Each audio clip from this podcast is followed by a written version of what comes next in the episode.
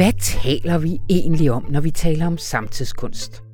Og er kunsten efterhånden så overlappende med alle mulige andre områder af vores samfund, at det snart ikke giver mening at tale om kunst som selvstændigt fænomen? Det er nogle af de store spørgsmål, som vi vil undersøge i denne podcast i selskab med Dagbladet Informationskunstredaktør Maria Kær Temsen. I denne her nye podcast, som vi har valgt at kalde Samtidskunsten forfra. Mit navn det er Anna von Sperling, og jeg vil være jeres moderat samtidskunst interesseret. endnu mere moderat samtidskunstforbrugende, men til gengæld galopperende samtidskunstundrende vært. Og det er ikke helt uden anledning, at vi sådan plumper ned i dit feed lige nu. Den her podcast den er nemlig knopskudt fra et projekt, som Informationsforlag har kastet sig over i samarbejde med Ny Carlsbergfondet og navngivet Bibliotek for Ny Kunstteori. Ideen det er at udgive forløbig syv planlagte bind med danske nyoversættelser af nogle af samtidskunstens væsentligste tænkere og teoretikere. To af dem er allerede udkommet, tilfældigvis to tyske kvinder, nemlig Hito Steils essaysamling Tolfri kunst og Juliana Rebentisch Samtidskunstens teorier. Og sidstnævnte værk vil også danne ramme for vores samtaler her over de næste syv episoder, som tager udgangspunkt i de syv kapitler, som udgør bogen. Så kan du jo læse med på sidelinjen, eller bare nøjes med os. Rigtig hjertelig velkommen til.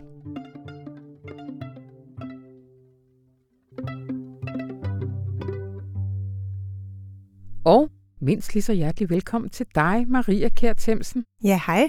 Forfatter til en række bøger om dansk samtidskunst, senest berørt, der udkom for et par måneder siden, men ikke mindst vores helt egen kunstredaktør. Og før vi kaster os over dagens emne, nemlig den tendens inden for samtidskunsten, som har fået navnet ready-made, så vil jeg egentlig gerne starte med det spørgsmål, som jeg også indledte med, nemlig hvad er det egentlig, vi taler om, når vi taler om samtidskunst? Man kan sige, at den moderne kunst, den modernistiske kunst, øh, den stoppede måske der omkring øh, midten af 60'erne. Mm. Måske endda før. Øh, der er forskellige definitionspunkter på det. Men i hvert fald så er samtidskunsten løsrevet fra en modernistisk sådan, øh, forestilling om, at kunstneren er en øh, formskaber, et geni og en formskaber, der, hvor det er øh, selve formskabningen, altså den æstetiske skabelse, der er det vigtigste. Det er en kunst, der oftest meget øh, eksplicit taler ind i den politiske samtid, som den er skabt i, og som under alle omstændigheder altid refererer til den nutid, hvor i den er skabt. Mm. Derfor kalder man kunsten, som er skabt i dag for, for samtidskunst. Men det gør man også om den kunst, der blev skabt for 10 år siden og for 20 år siden. Men måske ikke øh, om den kunst, der blev skabt øh, før 1945, fordi det var simpelthen et andet kunstbegreb, man ja. opererede med. Godt. Juliana Rebentisch, som vi kommer til at tage udgangspunkt i. Hvem er hun, og hvad er det for en bog? Altså, øh, Rebentisch er en øh, ret profileret forfatter og filosof i øh, Tyskland, hvor hun også underviser i kunstteori.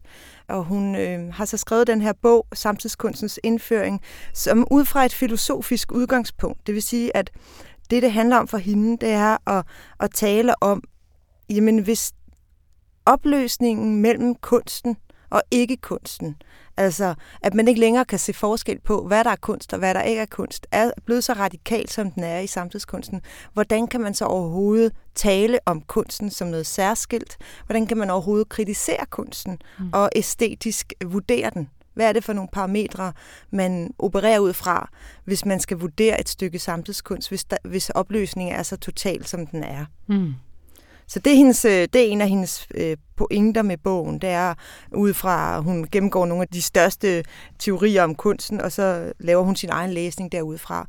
Og når vi skal tale om kunsten i dag, skal det være om ready-made, mm-hmm. men øh, i de videre programmer vil det blandt andet være om konceptkunst og om øh, øh, digitale medier, det vil være om land art, og det vil være om institutionskritik osv. Og så førte du mig hen til det. Du har introduceret mm. det første begreb, Ready-made. Ja. Hvad er det for noget? Ready-made øh, øh, blev introduceret på kunstscenen for over 100 år siden, altså i 1910'erne. Og det interessante ved det er, at det stadigvæk er en af de mest brugte termer i samtidskunsten og i kunstteorien i øvrigt. Det er ikke et, det er ikke et bagstræberisk eller uddateret fænomen, som man for længst er færdig med. Det er tværtimod et utrolig øh, aktuelt og stadig brugt greb i kunsten i dag.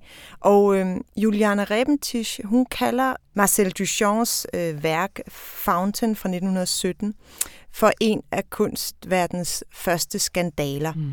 Øh, fordi det at tage en brugsgenstand, en ganske ordinær brugsgenstand ude fra virkeligheden, og placere den inde i en kunstinstitution og signere den. Ja, hvad var det? Hvad var det? Ja, det er et pissoir.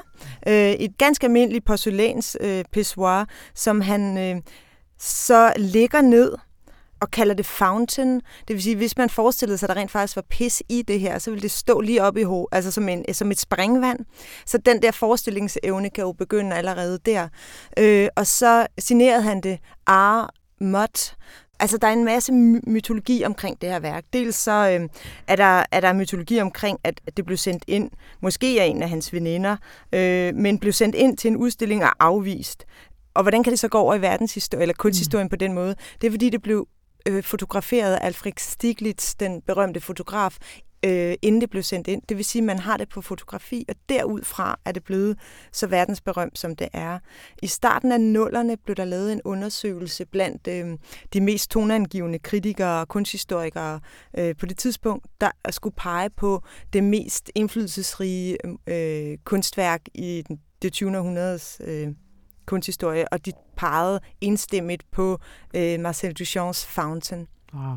Og det er også fordi, at det fortæller noget, at det her værk, det, det, øh, det har så mange lag i sig. Selvom det bare er et ganske almindeligt øh, pissoir, øh, jamen så har, det, så har det nogle dimensioner, der, der sætter fantasien i gang, og også noget omkring skulpturen.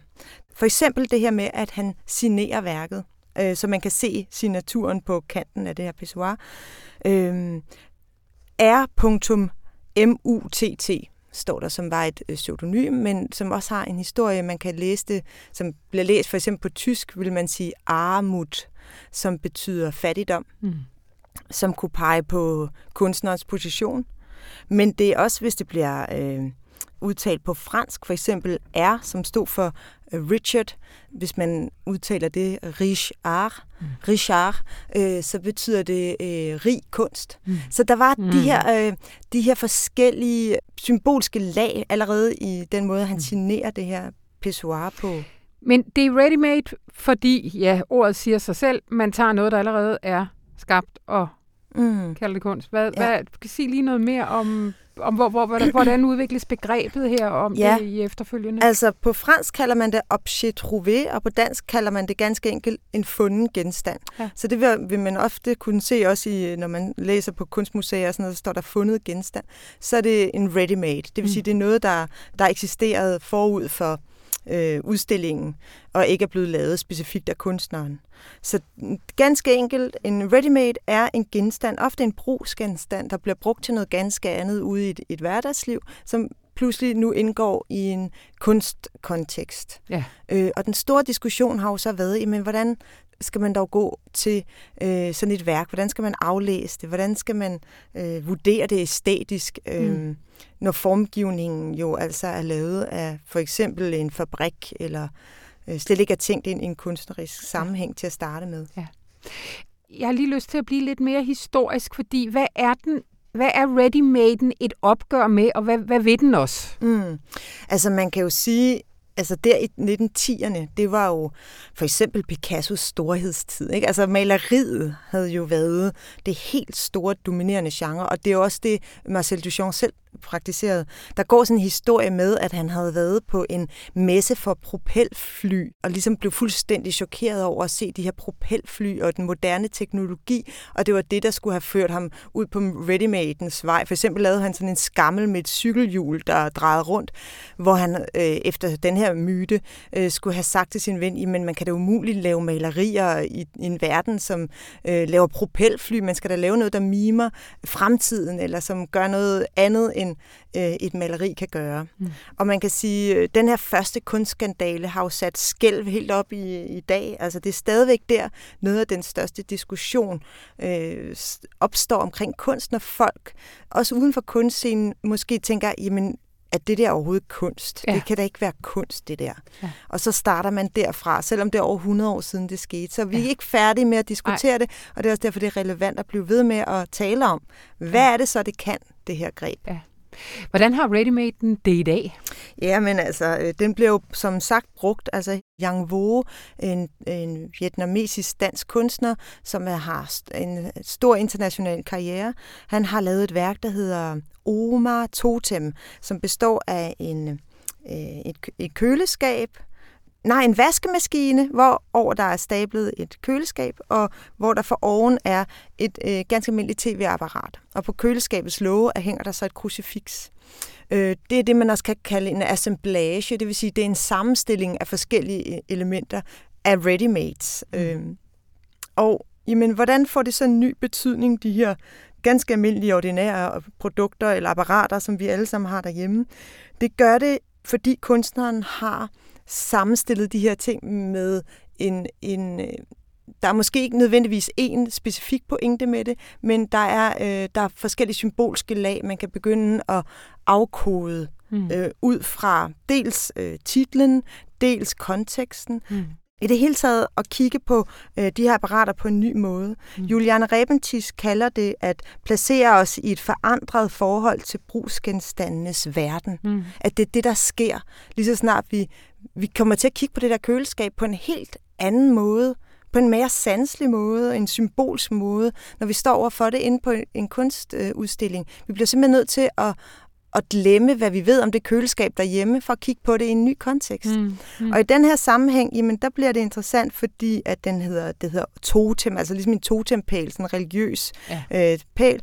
Det er sådan en stabling af nogle meget sådan vestlige produkter, som for os i vores kultur måske er hellige, men som også refererer tilbage til Yang Vos migrationshistorie. Øh, Han flygtede fra Vietnam med sin familie, da han var barn, og hans øh, hans bedstemor kom til Tyskland, hvor øh, der var sådan en velfærdspakke, der tog imod hende der i 1980, hvor hun så fik de her apparater, vaskemaskinen og køleskabet, øh, og tv-apparatet af, af den tyske stat, simpelthen som sådan en... Øh, det er i hvert fald de, de apparater, du ikke kan leve uden. Mm. Øh, og så øh, krucifixet fik hun af en katolsk hjælpeorganisation. Så der er sådan en historie om, at øh, det også er noget, der handler om den vestlige forbrugskultur, hvor mange af dem, der måske flygter til Vesten, drømmer om at have lige præcis sådan nogle her apparater mm. som en naturlighed. Mm. Så pludselig er de her apparater stablet op oven på hinanden, som ser så tilforladelige ud og fremmede ud måske i kunstverdenen, jamen pludselig handler de om nogle meget større ting, øh, og om hvordan vores verden er delt i fattige og rige, og mm. hvordan det skaber bevægelser af flygtninge i verden. Men, men det er jo hele, altså, du, du kan så Jan Vores baggrundshistorie, mm, og ja. det er der, det kommer til at ja. give mening. Ja. Er den meget vidensafhængig, øh, den her type kunst? Altså lige præcis hans værker vil ofte øh, kræve en form for baggrundsviden, ja. som vil blive formidlet der, hvor værkerne er udstillet, ja. før de kan i hvert fald kaste så meget her mening af sig. Ja. Men man er jo altid øh, fri som beskuer til at lave sin egen læsning af det. Og man skal ikke nødvendigvis øh, være låst af kunstnerens intention med at gøre det lige præcis sådan her. Man kan sagtens have en æstetisk oplevelse af værker, som beror på det øjeblik, hvor man selv møder værket, øh, og den oplevelse, der mm. opstår mm. der. Altså man har jo set her de senere år, at vaskemaskiner blandt andet har været en stor tendens blandt øh, samtidskunstnere. Og i hver enkelt situation betyder vaskemaskinen noget forskelligt og bliver mm. brugt forskelligt. Så den betyder aldrig det samme. Og det er jo interessant, hvordan en almindelig brugsgenstand kan ændre mening alt efter kontekst og mm. kunstnerisk praksis. I øvrigt har stueplanter har også været sådan en ready-made, der har været brugt rigtig meget de senere, særligt 10 år har man set stueplanter i rigtig mange kunstudstillinger, og som også betyder noget forskelligt mm. øh, i forskellige, men altså lige præcis det med stueplanten, den, den er måske også gået lidt i selvsving omkring øh, øh, Ja, hvor det pludselig begynder at pege på sig selv, ikke? Ja. Øh, og, og bliver en tendens og en, sådan lidt en hip gestus at hive en stueplante ind, og så er man, så er man med på noderne. Men, men Maria, hvad vil du sige til, fordi altså nu siger du, der går, der går lidt selvsving i, i stueplanterne og sådan noget, og det er jo, altså hvis der, hvis der er noget kunst, som bliver lavet mest spas med, så er det vel ready-made kunsten. Altså en eller anden har glemt nogle briller i en vindueskarm øh, på Ja, et museum, og det er præcis. så kunst og sådan ja. noget. Altså, er det ikke også nogle gange en lille smule latterligt? Altså man kan sige, faktisk særligt i den danske kontekst, så bruger man ofte den der humor, der ligger i ready-maden. Altså Ja. at man gør lidt grin med øh, grebet på en eller anden måde, eller Ja. bruger grebet til at, at sådan lidt hø-hø-agtigt. Ja. Øh, altså, og, og jeg synes, at at det kan være, der er for eksempel en kunstner, der hedder Jakob Borges, som har lavet et værk, hvor han har sat to forskellige par kondisko på en sokkel.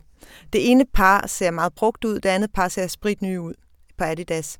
Det ene par viser det sig, at det brugte par har han gået til faniseringer med et helt år i det københavnske faniseringsliv, og derfor ser det brugt ud.